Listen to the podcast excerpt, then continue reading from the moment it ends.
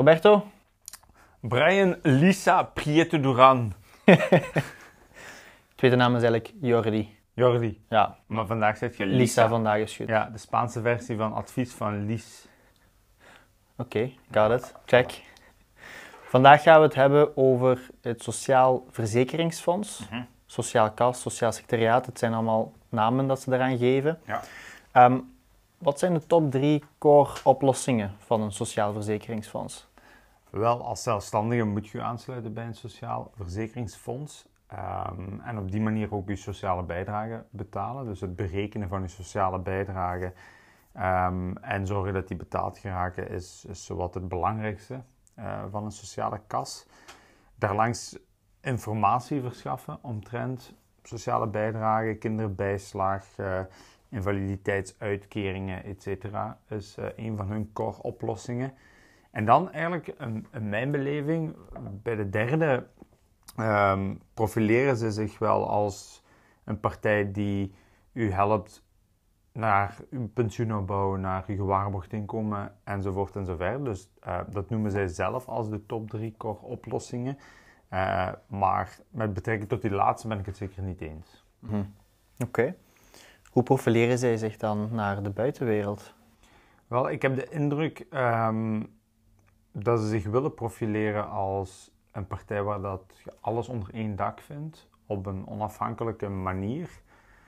Ehm, maar dat er vooral veel verwarring is bij eh, de consument of bij de zelfstandige, omdat het niet zo heel duidelijk is mm, bij, voor welke vraag kan ik daar nu terecht. Want ik heb dan de indruk, en zeker in het begin van mijn carrière, dat je daar voor alles terecht kon, eh, maar toch achterbleef met bijna evenveel vragen als voordat ik binnenging. Oké. En wat zijn dan zo vragen? Ehm, ja, eh, juridische vragen, vragen over het loon van medewerkers, vragen omtrent pensioenopbouw. Hè. We zitten zelf eh, als, als House of Finance heel, ehm, ja, heel, heel arbeidsintensief op de markt van pensioenopbouw. Om daar heel veel vergelijkingen rond te maken, pensioenopbouw te vergelijken bij banken, fondsen vergelijken. En dan om, om, om de cliënt uit te nodigen om hun vragen omtrent pensioenopbouw bij hun te gaan stellen, uh, ja, wekt meer verwarring op dan dat het gaat helpen. Zelfs vanuit de, de medische tak, eh, Columbus Groep, zijn er ook bepaalde spelers die bij de ja, afstudeermomenten zelfs aanwezig zijn. Ja. Dus uh, ook voor pensioen, inderdaad. Ja, voilà. Dus uh, ik, uh, ik heb de indruk, hè, advies van Lies gaat op dit moment over de verschillende partijen. Bij wie vraagt je nu precies welk advies? En bij een sociaal verzekeringsfonds ja, creëert men wel de indruk dat voor al die vragen gewoon daar naartoe moet gaan. En ik kan uit ervaring spreken dat dat, dat niet het geval is. Nee, oké. Okay. Wat is een toekomst dan? Ja, dat is een goede vraag. Ik denk dat er heel weinig gaat wijzigen de komende jaren. Um, en dat ze zich gaan blijven profileren als een soort van one-stop shop. Um, en uh, dat daar vooral de startende zelfstandigen um, terecht gaan komen met hun vragen. En van zodra ze meer gespecialiseerd advies nodig hebben, ze de verschillende partijen die we in deze sessies bespreken gaan raadplegen. Oké, okay, ja. Op een schaal van 0 tot 10, hoe is de persoonlijke aanpak van een sociaal verzekeringsfonds dan? Ja, um, ik zou zeggen één voor de moeite. Uh, je komt daar binnen, het is niet dat je een vast contactpersoon hebt. Mm-hmm. Um, je start daar je ondernemingsnummer op bijvoorbeeld en ja, heb je een andere vraag, moet je ergens anders terecht. Dus het is, het is een vrij grote structuur, hè, vrij, uh, uh, vrij veel verschillende soorten expertises dat ze daar dan in huis hebben. Uh, en ik heb niet de indruk dat die verschillende experts met elkaar communiceren vaak over wat er zich afspeelt bij de cliënt. Ja. Ja. Hoe zit het met het maatwerk? Hetzelfde antwoord dan. Eén voor de moeite. Ja. ja. ja. Nu, ze profileren zich als meer een onafhankelijke one-stop shop, maar hoe zit dan hun verdienmodel in?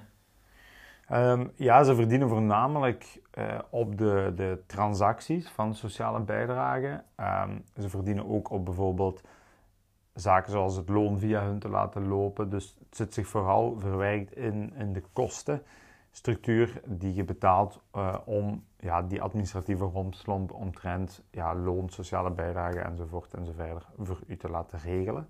En daarlangs um, proberen ze via additionele diensten uh, extra, een extra verdienmodel of meerdere extra verdienmodellen op te uh, zetten. Zo krijg je richting het einde van het jaar toch vaak een, een berekening hoeveel VAPZ dat je bijvoorbeeld kunt doen op basis van uw uh, sociale bijdrage. Ze hebben dan wel al die data, dus ze kunnen heel makkelijk uh, zeggen hoeveel VAPZ dat je kunt doen. Wat voor mij het storende daaraan is, is dat een onwetende startende zelfstandige die VAPZ-premie thuis aankrijgt. En uh, als je niet te goed leest, dan ziet het eruit als een factuur die je moet gaan betalen. Uh, en ik vermoed dat er een heel aantal mensen, omwille van onwetendheid, gewoon die factuur betalen. Omdat ze denken het zijn sociale bijdragen of bedrijfsverheffing of whatever. En op die manier wordt er toch wel um, artificieel een extra verdienmodel gecreëerd waar ik niet achter sta.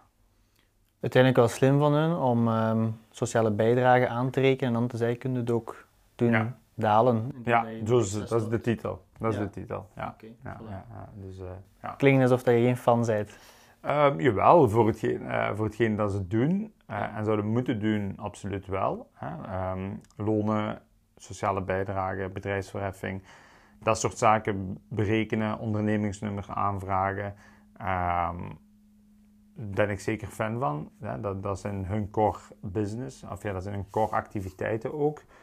Maar ik, heb het toch in het algemeen, ik ben in het algemeen geen fan van ehm, het idee dat je een klantenbestand hebt en dat je bepaalde zaken gaat toevoegen om je verdienmodel te verbreden, zonder daar de effectieve expertise van een huis te hebben.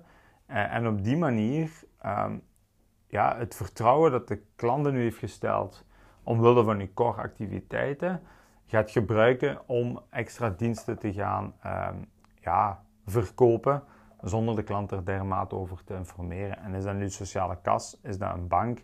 Is dat een verzekeringsmakelaar? Ik ben van mening, zolang dat je geen expert bent in dat stuk van financiën, blijf er dan vanaf of verwijs door naar een expert. Daar ben ik wel fan van. Oké, heel duidelijk. Ja, Bedankt. graag gedaan. Dag Lisa.